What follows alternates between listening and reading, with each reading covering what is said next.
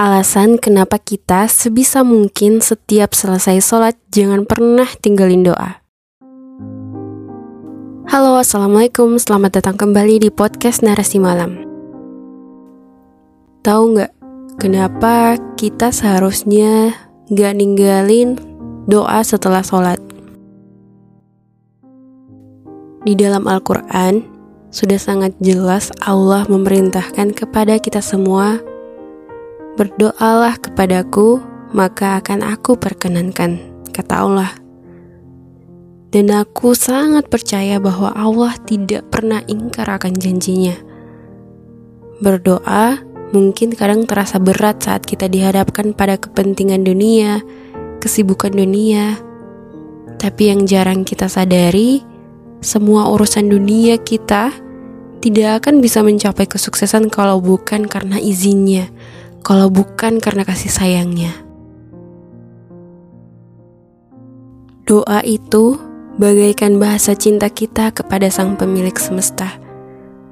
Meminta, merayu dalam doa tidak pernah mengecewakan, selalu saja menenangkan. Dan aku selalu takjub dengan cara Allah menjawab doa-doaku.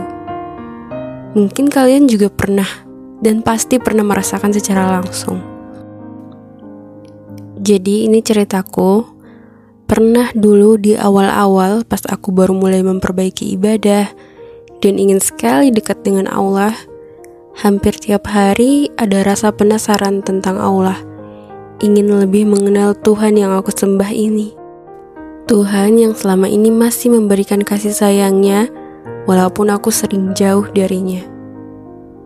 Waktu itu aku uring-uringan Bingung mau belajar sama siapa cari tahu lewat mana. Aku ingin mengenal Allah. Aku ingin tahu segalanya tentang Allah.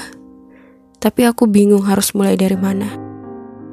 Lalu, Allah titipkan satu video secara random muncul dalam beranda YouTubeku yang judulnya Sebesar Apakah Allah?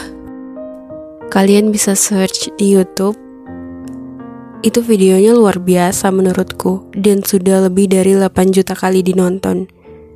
Jadi definisi bahwa Allah itu ada di mana-mana semakin masuk akal di logikaku setelah menonton video itu. Masya Allah.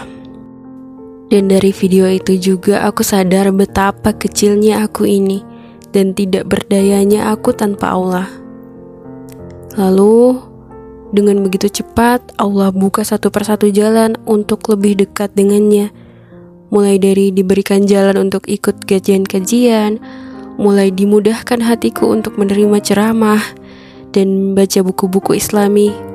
Dan itu adalah salah satu bentuk kasih sayang Allah yang begitu luar biasa menurutku.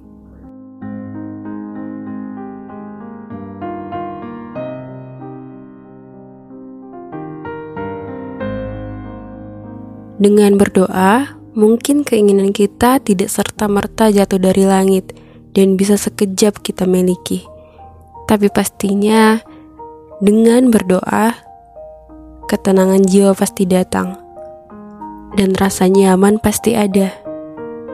Dan kalau kita berdoa dengan benar-benar yakin, percaya bahwa Allah pasti mengabulkannya, maka dengan izin Allah, Semustahil apa pun menurut manusia pasti akan terwujud.